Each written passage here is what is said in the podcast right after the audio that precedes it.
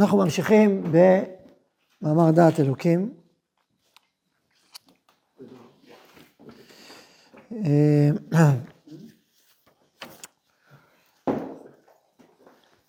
אז דיברנו על זה שהרב אה, שם את האצבע מבחינת ה, מה שהוא קורא, אה, תחילת, התר... תחילת ה... הכפירה הגדולה בעולם, הוא שם את השורש בשפינוזה, הוא קורא לזה התרבות החדשה בשורש שורשה. והוא מדבר על, ה, על, על, עליו בעת, בעת החדשה, לא שורש, התרבות החדשה, בעת החדשה בשורש שורשה. פגשה כל המהומה העילית חלק מנכשלי עמנו. עד שמצב יש פינוזה שבעצם, דיברנו קצת, אני אדבר אולי עוד כמה מילים, לא ארחיב יותר, אבל עוד קצת, מה שדיברתי פעם קודמת. הוא בעצם אמר, הכל אלוהים. הכל אלוהים. הכל זה, כל מה שאתה רואה, כל המציאות כולה זה אלוהים. אז יש בזה גודל, הכל אלוהים. הכל. מה שאתה רואה זה אלוהים. אבל זה אלוהים חילוני, אני אומר. למה זה אלוהים חילוני? כי אין רצון ואין השגחה. ואין מטרה, ואין מטרה, ואין חופש. תחשבו על זה, שהכל מוכרח. אין מי שרצה וברא, רצה ועושה, אין רצון. יש, יש הכרח, הכרח אוטונולוגי, הכרח פנימי. עכשיו אני רוצה פה להעמיק. יש משהו בהכרח שהוא, שהוא נעלה.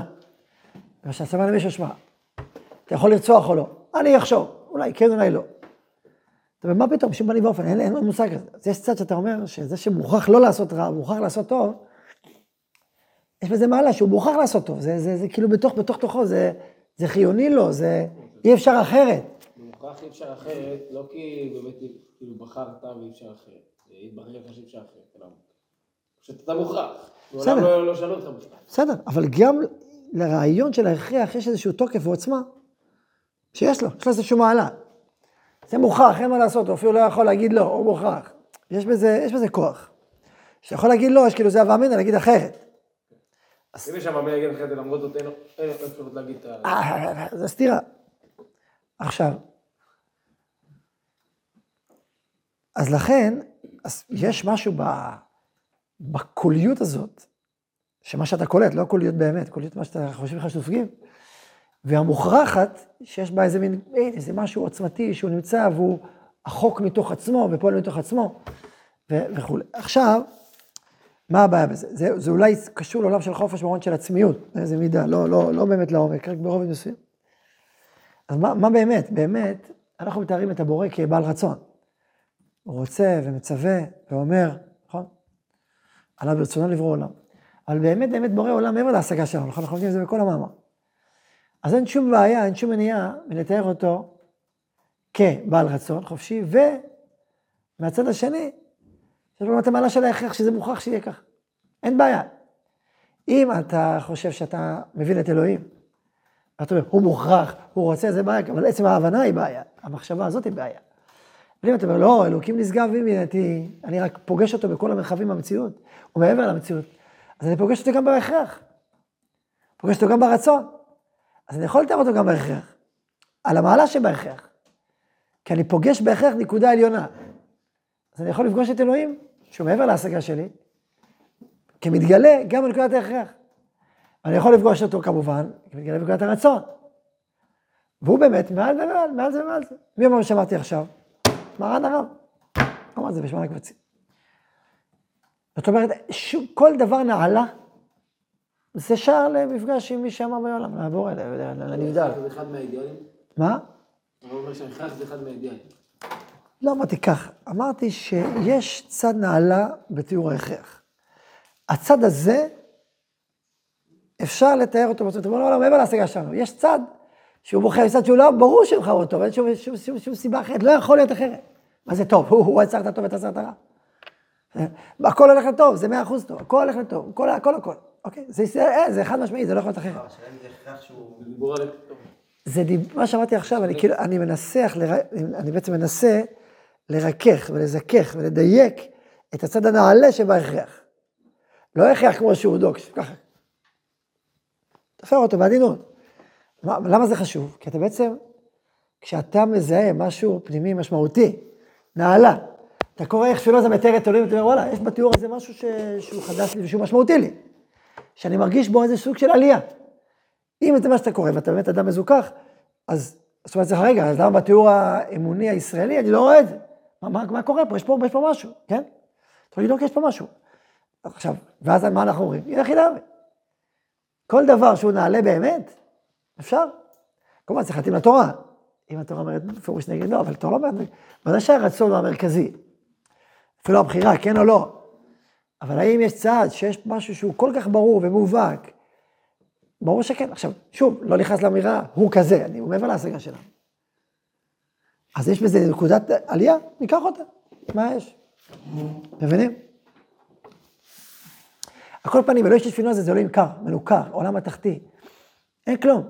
הכל זה כמו מכונה ענקית עצומה של היקום שפועל. בסדר, מה זה, מה זה, איזה אלוהים זה? זה אלוקים שצריך במצרים, ידעתי את מכאוביו, מצווה, מנבא, מוליך את ההיסטוריה לאיזה מקום, ולא סתם, סתם, הכל סתם. אז זה אלוהים חילוני. באיזה מידה. זה אלוהים חילוני, זה אלוהים שהוא מאוד מאוד עצמי, מאוד מאוד עני, מאוד מאוד כולי, כולנו, כולנו, אנחנו, גם כל זה הקריאה מהממת לעצמיות. אבל כל הטעם והמשמעות של אלוקים נעלמת ממנו. מה יש בו? יש בו אחדות. מובן, באחדות במובן הנמוך שלה, לא הנשגב שלה. בסדר, אוקיי, זה דבר... אה? כל המרחבים, בסדר? המרחבים הפנימיים, בסדר? אבל מעבר לזה, זה פספוס ענק. עכשיו, למה זה לא יהיה חילוני? כי מי שהוא חילוני, מי שיש לו מחשבה חולית, זאת אומרת, אין לו את אותה רגישות, הוא לא פתוח לקליטה הפנימית של המציאות, אז הוא, הנה, בשבילו אלוהים.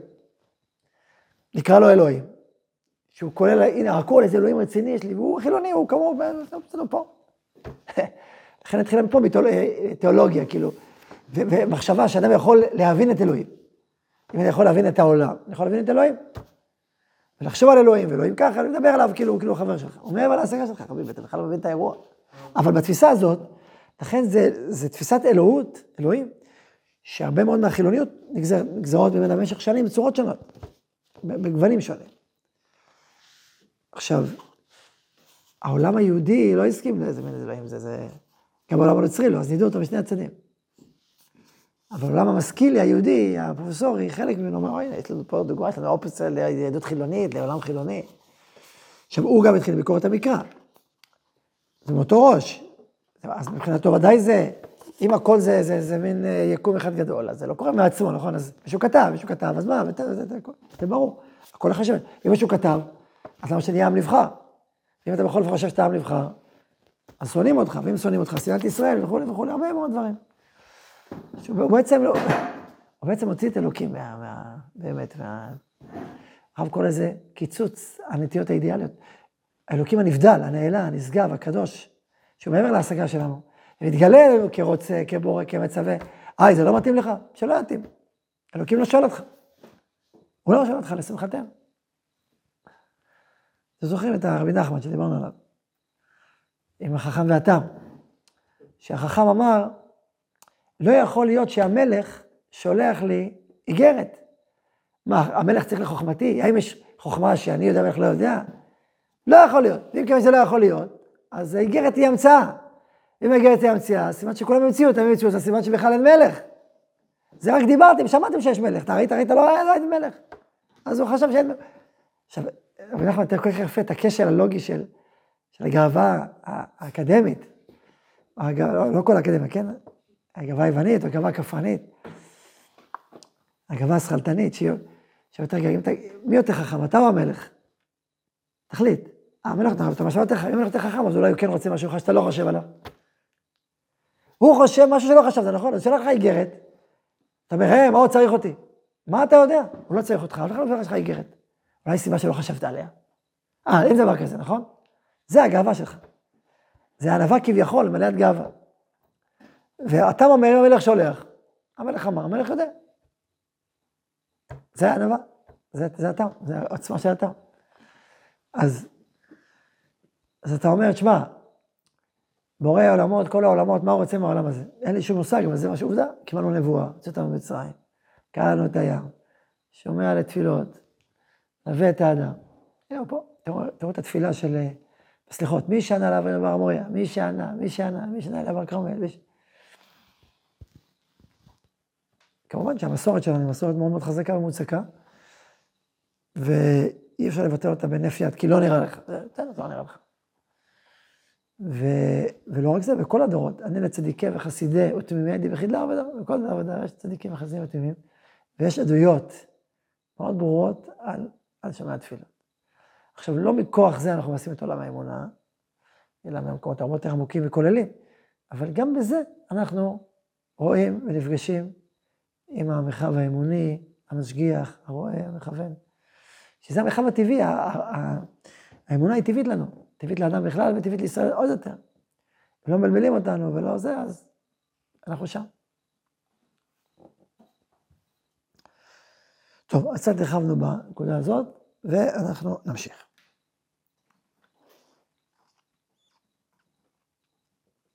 לא, עוד דבר, כל, כל המוסר גם, אין מוסר, כי הכל דטרמיניסטי. וגם אין משמעות למוסר, כי אין איזה בורא שמצווה להיות מוסרי וזה דבר. גם אין כלום, אז אין משמעות למוסר, אין משמעות לחופש, אין משמעות לערכים, אין משמעות, אין משמעות לכלום, מה זה הדברים האלה? לא יודע. הכל, הכל, כל היקום, אה? יכול אפילו לשאול שאלה אין סוף. אבל אין סוף חומרי, אין סוף חומרי. תלך בחלל עוד ועוד ועוד ועוד ועוד ועוד, נכון? זה אין סוף. כל זה גם. זה שהוא, מול אמונה פוליטאיסטית, אמונה שהיא... אמונה שכאילו מאוד מאוד רחבה. נכון שהיא אומרת, הכל, הכל, הכל, הכל, הכל, אבל אלוקים. אלוהים. אבל הוא לא... זה אמירה, זה, זה סוג של אחדות, זה, זה לא, זה, מה הופך אותו? באמת לא הופך אותו, אנחנו זה אלילות. בסוף. איך הוא הגיע לזה? הוא למד תורה והציע אותו. למד תורה, למד קבלה, למד זה, למד זה. שנהיה מומר. מה החידוש שכל כך התלהבו מזה? קודם כל, עד זמנו, הוא כאילו, הוא כאילו אה, זה שנתן, אה, שדיבר באופן אה, כאילו מתמטי אל אלוקים. כותב משפטים, מחנכות, אקסיומות, טק, טק, טק, טק, טק, טק. באופן מאוד סכמטי. והוא נתן כאילו אלוהים אחר במקום האלוהים הנוצרי. שהוא לא כזה מלבב. יש הרבה בעיות באלוהים הנוצרי, נכון? אז...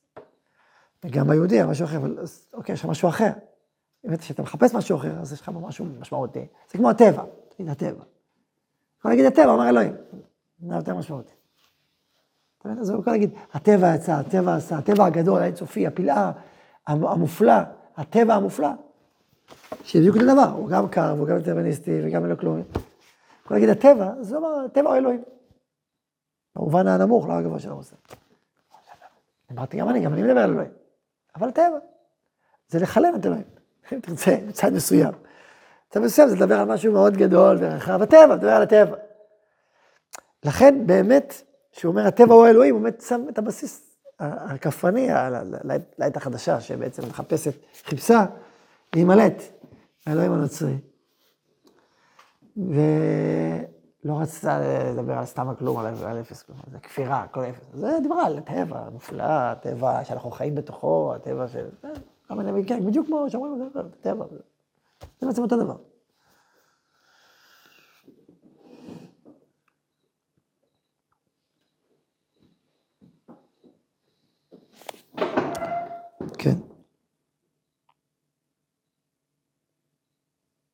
עכשיו, אומר הרב שעם ישראל, אומר עכשיו הגיע הזמן, אחרי השנאה הגדולה לעם ישראל הגיע הזמן, שיראה ישראל, אני בעמוד קל"ה אצלי, אני לא יודע איפה אתם, פעם אחת בישן, חדש. כן, עכשיו הגיע הזמן,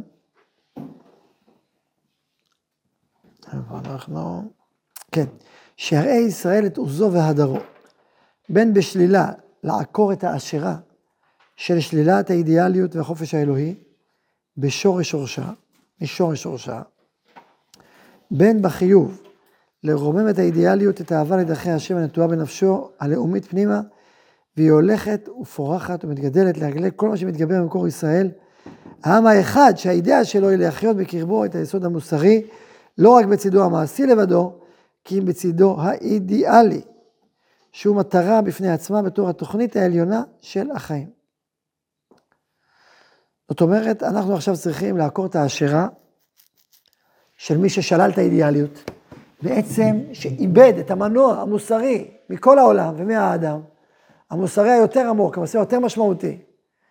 וכאשר עומדים כופרים ומנסים ליצור מוסר שהוא סותר את עצמו מיני וביה באופן מאוד מאוד עמוק, היכולת שלהם לנהל ככה עולם, מדינה, חברה, באופן מוסרי הוא נמוך מאוד.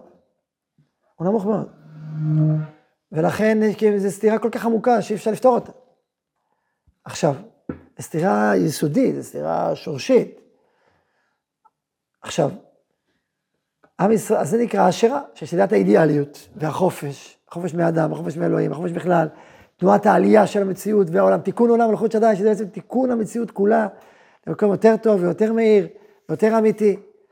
וזה הזמן שעם ישראל, שהוא חוזר לארצו, להתפתח כאומה, שזאת התוכנית החיים העליונה שלה, שהעולם יהיה מתוקן, שהעולם יהיה נגאל, שהעולם יהיה מוסרי, שהעולם יהיה מלא אור. זה התוכנית העליונה של החיים של האומה הזאת. זה מה שפועם בנשמה שלה. זה מה שנמצא בעומק השאיפות שלה. כתוכנית העליונה של החיים שלה, שבאמת באמת היא זו שצריכה להניע את כל הגלגל התרבותי, הקולטורי התרבותי, כל מערכות החיים של האומה הזאת. ו... ולא רק זה, ולא רק זה, זה לא, זה לא רק עניין מעשי, תועלתי, חברתי, שאי אפשר לנהל חברה באופן אחר, ואין ברירה, כמו המוסר התועלתי של, של הכופרים. שאומרים לך, המוסר מאוד תועלתי, אפשר אחרת, אם אתה תגנוב, כולם יגנבו וכל מיני כאלה. מה שהרבה יותר עמוק, זה חלק מהתשוקה הכי עמוקה שלנו, הצלם אלוהים הכי יסודי שלנו. קרבת אלוהים, התנועה של העולם, שזה אמירות הרבה יותר עמוקות, לכן זה לא רק צד מעשי, אפילו לא רק צד אידיאלי, זה צד אידיאלי שיש לו מקור אינסופי. במובן העמוק של המושג אינסופי, לא מוגבל, לא חומרי. הוא, הוא גם מופיע בחומר, אבל הוא מעבר לחומר. והוא, והוא מכוון את ההיסטוריה, מכוון את האדם, משגיח. יש בעל הבית לבירה, משגיח, יש דיין, יש דיין. גם יש דין ויש דיין, זו אמירה מאוד מנחמת. היא גם מאתגרת, כי אתה רואה שאני, אתה לא רואה דיין, אז אתה שואל לך איפה דין, איפה הדין, מאיפה הדיין. בסדר. התשובה שלנו, שההיסטוריה צועדת לאט עם ההלכה. והדיין לא מתערב כל כך מהר בכוונה, כי אם הוא יתערב על כל דבר, אז לא יהיה תיקון עולם. יהיה בובות שפוחדות מהמכות האלוהיות, וזהו.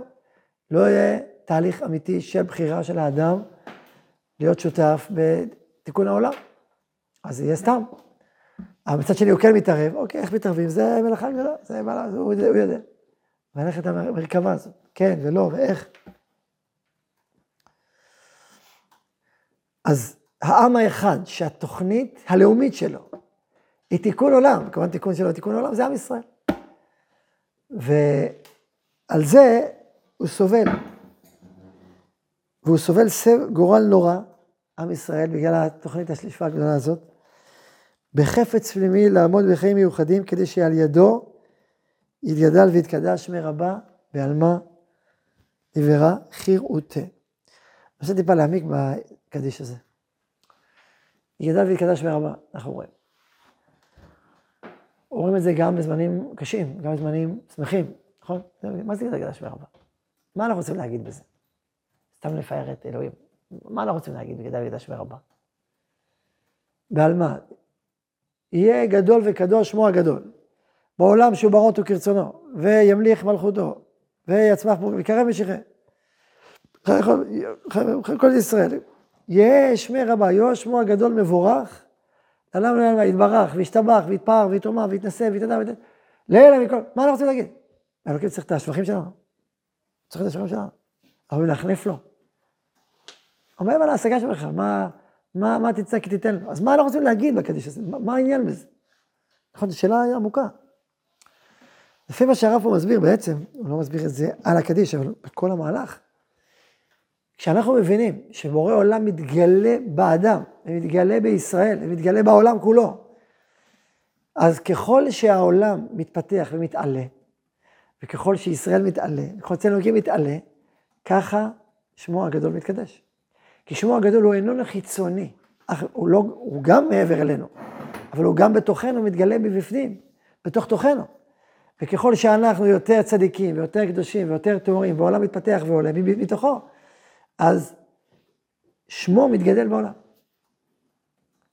שמו מופיע בעולם, שמו מתברך בעולם. זה נקרא לברך את השם. להגיד שם השם יבורך, אבל לחיות חיים רעים, זה מילים בעלמא. זוכרים שאמרנו, אין הקריאה באלוהים אמיתית, או, או רק תשועת, רק אם לפי אותה רוממות המוסרית שתטביע הקריאה בשמו באומה, באנושיות ובמציאות. אין תשועת אלוקים קרובה. זאת אומרת, כשאתה מדבר על אלוקים, ואתה לא איש צדיק, יש פה בעיה חמורה. ככל שאתה יודע אלוקים, תהיה יותר צדיק, תהיה יותר איש של איש של איש שלאי. איש אצלנו מישהו מאיר, שהנשמה שבו מאירה עוד ועוד ועוד ועוד, ואז אתה יכול לדבר על אלוהים, אלוהים מאיר בך. אני מדבר על אלוהים ואתה נהיה איש מושחת ורשע יותר ויותר, אז זה חילול אלוהים, חילול השם. כי, כי זה לא שאלוהים נמצא רק מלמעלה ואתה מפאר אותו, אתה הבן אדם המסכן, האומלל צריך לפאר את אלוהים, הדמון שעומד שם באיזה מקום, אחרת, ולהחליף לו. זה אלילות. התפיסה המבוקרת, המשוכללת, הישראלית, אומרת שאלוהים מעבר אלינו ומתגלה בתוכנו. הוא מתגלה בכל נשמה, בכל יצירה. יש יוצר בתוך יצירה. עכשיו, שוב, אם אתה מגשמים אותו, זה לא יכול להסתדר, אם הוא גשמי. אז זה הלוח האלוהים, בסדר, אבל הוא מעבר אליך, הוא מתגלה בכל, מחיה את הכל. ובוודאי בתוך האדם, בוודאי אצל אלוהים שבאדם, בתוך התורה, בתוך, כל דבר מתגלה. אז ככל שאתה אדם, איש אלוהי יותר, אתה מגלה אותו יותר, והוא מתברך יותר. אז כשאתה אומר, יש שמוע גדול מבורך, אתה בעצם אומר, אני מתפלל, אני אומר, אני מכריז, אני יוצר פה איזה, פעו, איזה פעימה, שהעולם יהיה יותר קדוש, יותר נשגב, ויותר עליון, יותר טהור. זה, שהוא, זה הוא בעצם. שהוא מעבר לכל ומתגלה מתגלה שם. ואם מישהו נפטר, אז נהיה היעדר, נכון? של אור אלוהי. היעדר נשמה. זאת אומרת, למרות שיש פה היעדר, אני עכשיו אומר, ואני מוסיף קדושה לעולם, אני מוסיף אור לעולם, מוסיף אלוהות לעולם. עכשיו, אלא מה? אחרי שאנחנו אומרים הוספה והוספה של אור וברכה בתוך המציאות, אנחנו יכולים לטעות ולחשוב שמה שיש פה זה אלוהים, נכון? אפשר לחשוב, הנה, פה, פה, אני, אתה. אז לכן אומרים מיד אחר כך, לאלה מן כל ברכתה. שירתה, תשבחתה. יותר מכל הברכות שנראה, ויש אלף ואחת ברכות, יותר מהכל. מכל שירתה, תשבחתה, נחמתה, נמירן בעלמא. יותר ויותר מהכל. הפרעה אלוהית, הוא מתגלה בכל הברכה, והעושר, והעושר, ועוד, ועוד, ועוד, ועוד, ועוד, עד כי חדל לספור, כי אין מספר ואין השגה. זה לא יוצא משפינוזה בעצם? כן, זה צד אחד. כן. רגע, אז תבין למה, למה, למה, התפילה, למה יש מרבה זה דבר עמוק? שאם אדם אומר את זה בכל כוחו, בכל כוח נפשו, הוא דבק באלוהים. הוא דבק באלוהים, נכון? כי כשאדם אומר את זה באמת, אם אדם אומר את זה בחשיבה האלילית, אז הוא לא יכול בכל כוח נפשו, כי יש בו הרבה הרבה חלקים בתוכו, מה עם כל העולם והחיים והמציאות. הוא יכול לא לחשוב על זה, בסדר, יכול להיות, הוא מנטרל את כל המציאות שלו, זה אפס, ואז אלוקים, ואז הוא אומר ככה, בסדר, אוקיי, יכול להיות. אבל זה לא באמת שלם, כי כל המציאות חסרה, הנפשית, הרגשית, הפסיכולוגית, כל המציאות. וכשאתה אומר יש מאיר הבא, אתה מתכוון שהאין סוף מעבר להשגה שלו. יהיה שמו מבורך מתוך העולם ומתוך האדם ומתוך ישראל. והכל יתהלך ויתעלה ויתברך וישתבח ויתפאר.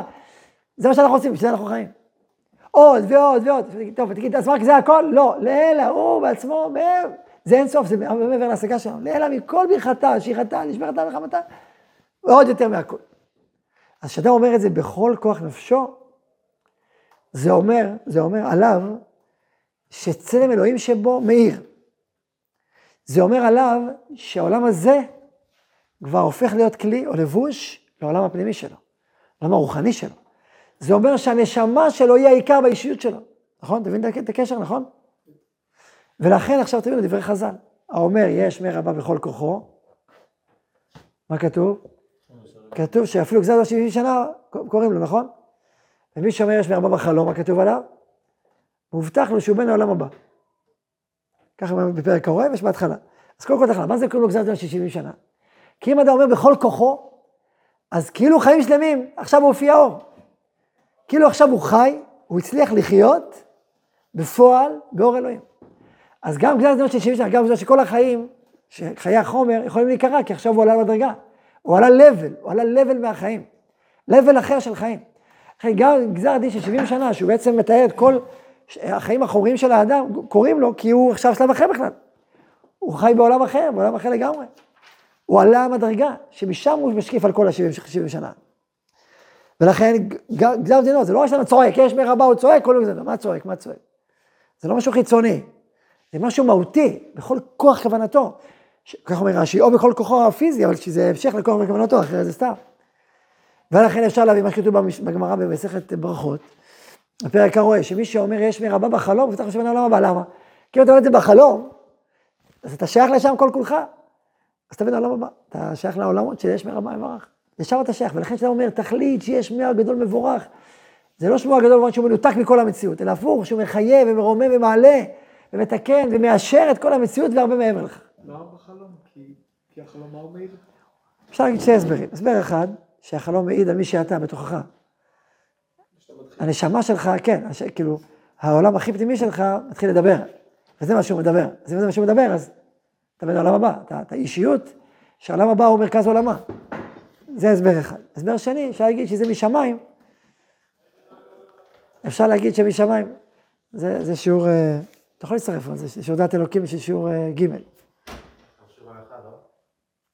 לא, איזה יום היום? ביום שלישי שיעור הלכה. שלישי, לא רביעי. שלישי. עכשיו, רק שנייה, הסבר שני לחלום, שלפעמים משמיים, משמיים אומרים לך, זה אתה, נותנים לך משמיים איזה דיבור, איזה עניין, איזה... כאילו רוצים לרמוז לך, אתה שייך לשם. זה גם אפשר, כן. כאילו כל אמירת הקדיש יוצא שהיא בשביל האדם עצמו? לא, מה פתאום? אני הסברתי עכשיו מה קורה לאדם שאומר, אבל לא בשביל זה הוא אומר, לא בשביל מה שיקרה לו. הוא אומר כי הוא מאמין בזה. עכשיו, האמירה הזאת היא יצירה, כמו שכל דיבור הוא יצירה רוחנית. בחשיבה החומרנית, הדיבור לא עושה כלום. הוא רק דיבור. בחשיבה הרוחנית, הציבור מחולל בורא עולמות, יוצר יצירות רוחניות. גם בחשיבה החומרית אפשר להבין את זה. פעם דיברנו על זה, שאתה רואה בכנסת, כולם מדברים, לא עושים כלום, מה אתם בטלנים? אבל זה מביא את הכל. החוקים, המשפטים, בסוף הם יוצרים את כל עולם המעשה, עולם הרוח יוצר את עולם המעשה. בסוף הדיבורים האלה הם מגלגלים את העולם, גם בתפיסה החומרית אפשר להבין. הדיבור יותר גבוה, עכשיו עוד יותר גבוה. אבל זה תפיסות פשוטות בשביל להבין את הדברים יותר הפנימיים, שבאמת עיקר האדם זה העולם הפנימי, והדיבור פועל, הדיבור יוצר, הדיבור, לכן צדיקים גדולים שאומרים משהו, זה קורה. דבר השם שמיים יעשו, כל הבריאה באה מדיבור. הצדיק הזה, הקדוש ברוך הוא, כן, אתה לפעמים אומר לך, אביא ברכה, כך, כך, וזה קורה. וגם משגגה אפילו לפני השנים. אז לכן, כשאדם אומר את האמירה, הוא יוצר יצירה במציאות, יצירה של יש מוגדל מבורך. כדי ליצור את האמירה, הוא אומר את זה בכל כוחו, בכל כוח כוונתו. אז לכן גם בך, גם בתפילה אתה אומר את זה ואתה... כי ככה, ככה, ככה אתה יוצר את, את, את המרחב הזה. וגם בשעת צער, בשעת אבל, בשעת היעדר, אתה בעצם עכשיו מוסיף אור להיעדר הזה שבא. אבל יש לזה אמירה מאוד מאוד עמוקה, ולכן אתם מוזמנים להגיד יש מרבה בקול, ולא בשקט, בקול, בקול, בכל כוחו, בכל, באמת מבפנים, לומר כמו שצריך, זו הזדמנות, זה חשוב. משמעותי פתאום, אספר לכם סיפור על הקדיש. סיפור חזק, סיפור... אה, חלק מהמעלות של הקדיש זה גם להגיד על מי שנפטר. לא בשעת הפטירה, מה שאמרתי קודם, אלא גם אחרי, אנחנו יום השנה, אומרים קדיש. הקדיש, אומרים המקובלים, מעלה את הנשמה של האדם מעולם לעולם. מעלה אותה מלמעלה למעלה. עכשיו, אז זה היה מעשה, וסיפר את זה הרב חיים זוזנפלד, הרב של, מה שאתה הכרת, הרב שהיה בעיר העתיקה. אבל, אז הוא סיפר ככה, אדם גדול, צדיק גדול, חלק על הרב קוק, צדיק גדול. הרב קוק אמר עליו שהוא, שניהם בפנימיות, ידידים גמורים, אוהבים גמורים, רק מבטאים את זה באופן אחר. היה פעם איזה שמחה שהרב קוק באיזה ברית, הרב קוק בירך על הים ושתה, אז הוא חטף את זה ואמר שזה שיריים. למרות שהוא לא הסכים עם דרכו, וחשב שהוא דרך אחרת, אבל זה כבר נושא רחב להסביר. קרא לו הרב דיאפו, מה זה מה שקרא לו הרב דיאפו? על קולפונים, איפה היינו? אז אני מספר את הסיפור הבא. שהייתה בעיר שהוא גדל בה, בחוץ לארץ, בבולגריה באיזה מקום, הייתה איזו אישה אחת עשירה, שהיא הייתה תורמת הרבה כסף למדרש, לישיבה, והיה לה עניין מיוחד לתרום, לומר קדיש, לכל אלה שהנשמות, כל הנשמות שאין להם שיגיד להם קדיש. עשתה לי תרום תחום גדול. הישיבה שם העמידה אדם, בחור מיוחד, שהיה אומר קדיש כל יום, שלוש פעמים ביום. היה אומר, זה לכל הנשמות שאין מי שיגיד עליהם קדיש. ו... ויום אחד, אה, ואוקיי, ויום אחד המנה הזאת התאלמנה, ובשביל שוועדה בנכסיה, ושתי בנות בוגרות, ואז היא באה לזה של הישיבה, למזכירות, להנהלה. תשמעו, אני מאוד כואב לי, אני לא יכול לתרום אותו דבר, אבל מאוד חשוב לי שתמשיכו לשים את הקדיש הזה. כל כך חשוב לי לאותן נשמות. זה מה שהייתי זאת. זה מאוד ריגש את זה, והמשיכו, אנחנו נמשיך, וכשיש תוכנית, המשיכו. ואז המנה מספר, מספר הרב חיים זודפלד, שהאלמנה אחרי שהיא יצאה, היא הולכת ברחוב, עכשיו איך היא, היא תסיע את בנותיה, פוגשת איזה יהודי הדור פנים. על מי את? הוא לא יודע מה היא רוצה, אבל לא, לא, לא מבין מה הוא רוצה, היא סיפרה לו, יש לך כסף, טוב, אמר לה, אני אדאג לך. נתן לה צ'ק, או מכתב, לא יודע, מכתב, לכי. שאמר לה, כדי שאני יודע שאולי לא יחשבו שזה סתם, תביאי שתי עדים מהישיבה שיראו. ואז לא, אני הייתי אחד העדים, וחברי הרב גרילדוונד עד שני. ושנינו היינו והיינו, אני אספר את העדות שאני ראיתי. אז הוא אומר, תכתבו, אני אתן לאישה הזאת, לכבוד בנקאי פלוני, תן לאישה הזאת כך וכך הסכום, יש את ההוצאות שלה. טוב, חותם. הנה, תחזור מן החתימה, הנה אתם רואים. טוב, טוב. השתלה, מי בא, מאיפה בא, לאיפה הלך. בא לבנקאי, מביא את זה, הוא מסתכל, מתעלף על המקום. מעירים אותו, מה, מה, מה? מה הוא אומר? הוא אומר, רגע, תגידי לי, בוא, בוא לפה, תגידי לי, מי, מי נתן לך את הדבר הזה? אני לא יודע, פגשתי איזה זלון זקן, ואמר לי ככה, ויש את העדים. בוא'נה, אני רוצה ללכת לתמונה, תגידי לי אם את מכירה. נראה תמונה, מכירה אותו? כן, זה זה. אז הוא אמר, אז הוא קודם כל חתם נתן לה. אמרו לו, מה, מה זה? אמר, זה אבא שלי. אני התרחקתי מהיהדות, התחתנתי עם גויה, הלכתי. ואתמול בלילה הוא ראה אותי בחלום. ראיתי אותו בחלום, הוא אמר לי, תדע לך, אני מאוד מצטער על הדרך שלך והכל. ודע לך שיש לי יד אחת רוח אחת מהקדיש, מי שלא אומר עליו קדיש, שאתה לא אומר עליי קדיש. ולכן, אני שולח אותה ואתה תיתן לה מה שצריך לתת. אז קמתם את שטויות. מה, מי, מו, ואמרתי לאשתי הגויה, בכלל להגה על זה. מה שאת הגעתי לזה. אחר כך הוא חזר בתשובה והתגייר, וכל זה המעשה שסיפר הרב זאת אלפים. לולא הוא היה מספר, לא הייתי מאמין. נכון? בכל אופן צריך לחוש ביקורת. בוא נגיד לך, אם אכן מה שכתוב שם זה מדויק, זה יכול להיות, יכול להיות, זה שיכול להיות. בסדר, אבל זה הסיפור, סיפור על הקדיש, כוח הקדיש. כן. הרב אמר שכל דבר הוא הופעה של השם. כאילו שזה... אתה על ההכרח, כאילו, לפני. באיזה הקשר? לפני כמה משפטים, כאילו. כל דבר הופעה של השם, כן, זה לא פשוט להגיד, זה משפט כללי מדי. כן. יש גם טומאה בעולם, מה אתה אומר על הטומאה? לא, לא, משפט, אוקיי. הרב מדגיש יותר את זה שכאילו, הדרך של לפגוש עם השם, שמופיע בעולם, דרך אידיאלית. נכון, נכון. נגיד בשונה מצימון אל חי, שם זה הכל. לא, גם שם זה אידיאלים. שם זה, לא יודע, אידיאלים. כל מה- מחשבה, מה דגים. כתוב, שם? מה כתוב? כתוב שם, בסערת כל גיבור, בחוכמת כל חושב, ביופי, יופי, חוכמה, גבורה, כל זה אידיאלים. זה ניצוצות גבוהים, ניצוץ של יופי, ניצוץ עליון. אתה מברך, בריאה יפה אתה מברך עליה. אתה מברך על גיבור, אתה מברך על חכם עדיין אתה מברך, גם גיבור, גיבור של ניצוץ של מעלה. כתוב על הגיבור, גבורה של מעלה. אתה רואה גיבור מאוד, אתה רואה ניצוץ של גבורה עליונה. זה פותח אותך לניצוץ גבוה יותר, אבל כל, שם, כל מה שקורה שם זה אידיאלי, רק בשפה אחרת. כן. נכון? נכון, עצם שאתה רואה את כל הבריאה, ואתה אומר, וואו, כל הבריאה הזאת בחיים, די. שהרב אומר, עכשיו פשוט, בכל, גם בכל דבר קטן, לשייך אותו לאיזה אידיאל. אמ, אם, אם אני, אם אני, הקדוש ברוך הוא מופיע באידיאלים, כן, אז, אז עכשיו אני צריך פשוט כל דבר, תן לי דוגמה. לעשות נסירה, לה- להגיד, טוב, זה, לא יודע, חסד גבוהה תפארת. אמ, אני לא יודע מה, בוא תן לי דוגמה. תן לי דוגמה, תן לי דוגמה על מה שאתה אומר. לא יודע, הופעות שבן אדם נתקל בהן בחיים. דוגמה, דוגמה. דוגמה, תחשוב, תחשוב, תן דוגמה. איזה מפגש מסוים, איזה אירוע שעובר על הבן אדם, איזה... לא- לא- לאו מפגש מסוים. מתבטא בהם איזה כוח, אה, איזה חוכמת... אה, כל דבר אה, בעצם מופיע בו במינון מצומצם. זה, יכול להיות, אבל זה תלוי בדרגה הפנימית של האדם. צריך צריך להיות בדרגה רוחנית גבוהה ומאוד מפותחת בשביל זה. כי להגיד את זה, זה, זה קל להגיד. אבל להיות שם, צריך להיות אישיות רוחנית מאוד מפותחת. ואז, שומעת מהחדשות אה, דברי, דברים מלמעלה, כמו רבי נחמן, והיא שומעת, והיא רואה בכל עשב ניצוץ של שירה, כמו הרב קוק, ובסדר, זה לעולם, מסתכלים על כל, אומרים אותו מלא יופי וחיים. מלא אור וגודל, וכל אירוע וכל מפגש. רק צריך להיות אישיות מאוד רוחנית נעלית, נעלה, בשביל שאכן זה יהיה אותנטי ולא סתם. כן, אתה מבין? כי סתם זה סתם. זה נכון, אבל זה סתם, זה כאילו לא שם. אוקיי, איפה מה השעה שלנו?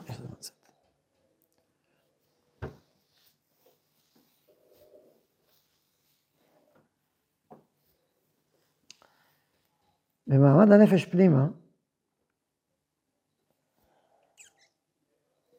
אתם יודעים מה, זה, זה נושא בפני עצמו בהמשך, אז הוא, הוא מסביר את הדיאלוג בין ההריגה לעצם הנסתרת, הנעלם, לבין החשיבה השכלתנית שהיא חוקרת והיא שואלת והיא מפרקת את המבנים השכליים, הרגשיים האלה.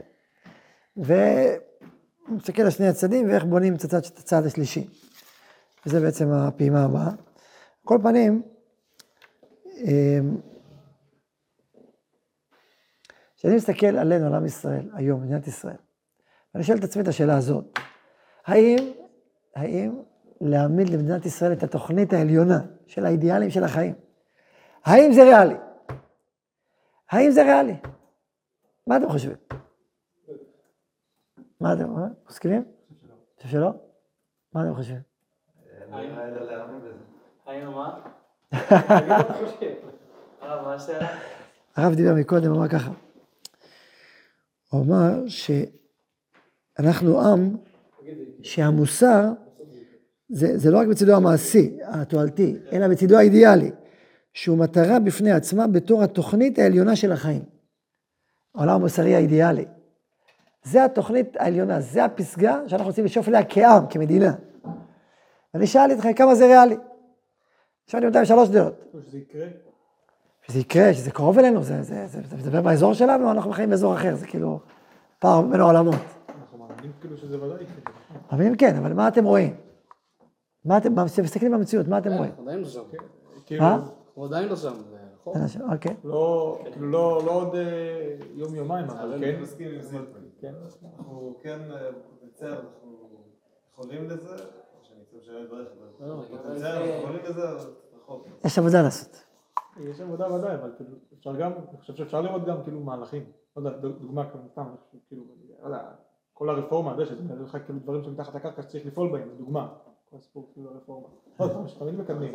הפוך. או מה שקרה, לא, אבל אתה- רואה, אבל איך אתה יכול לשנות משהו שאתה אפילו לא יודע מה הבעיה? אתה עכשיו, כל הבעיות צפות, עכשיו אתה יכול להתמודד, גם מה שקרה עכשיו בטבח. אתה, יש, כאילו, לא יודע, גם בעולם הדתי אתה לא- אתה- לא כולם שם. בסדר, אבל ככה ההתחלה, העולם זה שזה משהו שם אחר. מחר. העולם זה באמת רחוק, זה יש עבודה לעשות. יש ויש בעולם. תראו, אני אגיד לכם, אני- יודע אני- אני יודעתי שלי, אני מאוד רואה את זה בעל היתכנות. אתה מסתכל על האנשים מסביבך, אתה מסתכל, תשמע, אתה רואה את זה בפניהם. שנייה, קודם כל בעל היתכנות, אתה פשוט רואה את זה, תסתכל ב- באוזן, אתה פשוט רואה את האנשים מדברים. עכשיו, יש פוליטיקה, יש חלק נכלולי ומעצבן ו- ונמוך ו- ו- ומשחקים, יש, כל זה קיים. קורה גם את זה. הצבא העכשווי, אבל אתה רואה, אה, גם מהצד שלנו, גם יש, פחות. זה לא בדיוק אותו דבר, אי אפשר סתם להשוות. יש גם צד וגם צד שלך ברע, אתה חייב לפעול, נברתי את הבר. אוקיי, אבל גם, גם, יש גם צד שצריך, אוקיי, גם. זה עכשיו לא עניין של, אני בכלל לא מדבר עכשיו על חלקים כאלה ואחרים בתוכו, אני מדבר על כלל האומה. אבל זה מאוד קל לראות איך העם הזה מתגייס אל טוב, אל אמת, אל חופש, אל ערכים פנימיים. זה כאילו ממש בתוכו, זה לא כזה מסובך, זה, אני רואה את זה ממש כאילו. המסובך זה מה התוכנית האב, העל, העולם האמוני הכללי, והתורה באופן כללי, לכל מרחביה וצדדיה, ו- ומה המוסר, אבל עצם התוכנית, זה שהעולם המוסרי הפנימי, התוכנית העליונה של החיים, שם זה מוכן לסבול על זה, ברור שכן. הרי כל ההזיה הזאת לעזור לערבים, זה בא מהמקום הזה, האידיאלי, המוסרי, שמעוות, שהוא נופל. שאנחנו כותבים לא נכונים, אבל המהות שלו היא מאוד מוסרית מאוד. גם אנחנו, אם הערבים היו מסכימים לקבל את הריבונות של, של עם ישראל בארצו, לא רוצים לגרש אותם מפה, ומבינים את זה, ורוצים לחיות פה. היינו, גר תושב, אתה מחיה, אתה מצווה להחיותו. כבוד, כבוד האדם, אתה נותן לו, בטח אתה נותן לו. כן, כמו דרוזים, אתה נותן לו, כבוד אמיתי. אה, למה? הם רוצים לנשל אותך מפה, הם חיים באופוריה, בחלומות, שאתה תהיה ידידותי וחמוד, ואז הם גם כן חמודים. שטויות והבלים, ראינו את החמודיות שלהם. זאת הבעיה. עכשיו, הפוך, דווקא כשאתה שולט באופן ברור ובהיר, אז הם אה, מבינים שאין עסק, ואז יש סיכוי כל- כלשהו שהצלם אלוהים שלהם מתעורר. ולא רק כשהם שולטים, שאז כל הרשע והסיאוב והתיעוב מופיע. בדיוק הפוך, כי הדרך היא בדיוק הפוכה. אז המחלוקת היא על הדרך, אבל לא חושב שהמחלוקת היא במהות, במהות. יש מחלוקת קטגורית. האם יכול להיות זכויות אדם בלי זכויות אזרח? בשביל, בשביל איש שמאל זה כאילו ייהרג ואל יעבור. זה אנטי מוסרי בעליל, זה כאילו שובר, שובר את יסודות הדמוקרטיה העמוקים ביותר, שלא יהיה לך זכות בחירה. שולל ממך משהו, בסדר, אוקיי, זה, זה דרך לחשוב, להסתכל. פעם התווכחתי עם איזה פרופסור הזה. אמרתי לו, אתה חושב ככה שזה הכרחי? אני לא רואה איזה הכרחי. אם באמת זה זכויות אדם, באמת. אלא מה, אתה אומר, אם לא יהיה זה, אז ירמסו, ויר... לא ירמסו, למה ירמסו? מה, ואתה היית מוכן, אומר לי, שהיהודים בחוץ לארץ יהיו בלי זכויות? אמרתי לו, כן, בתנאי שלא ירמסו. מה אכפת לי, מה, אני צריך להיות שולט שם? אם יהיו זכויות אמיתיים, יכבדו, יושר, צדק, כבוד, תנו לי להתפרנס בכבוד, מה אני צריך יותר מזה? לי שום, אין לי שום שאיפות לאומיות בחוץ לארץ, כלום. אין לי שום בעיה אמיתית עם זה, אם זה יקרה. אם זה יקרה, וזה לא יקרה, אז חבל הזמן. ואם אצלנו זה יקרה, לדעתי זה יכול לקרות, בוודאי, דרך ה... אז, אז אוקיי, אז מה הבעיה? חייבים את הבחירה? לא, אה, אתה אומר לי, לא, זה זכות הגדרה עצמית של עם כעם. וגם אם זה, אוקיי, פה יש ויכוח.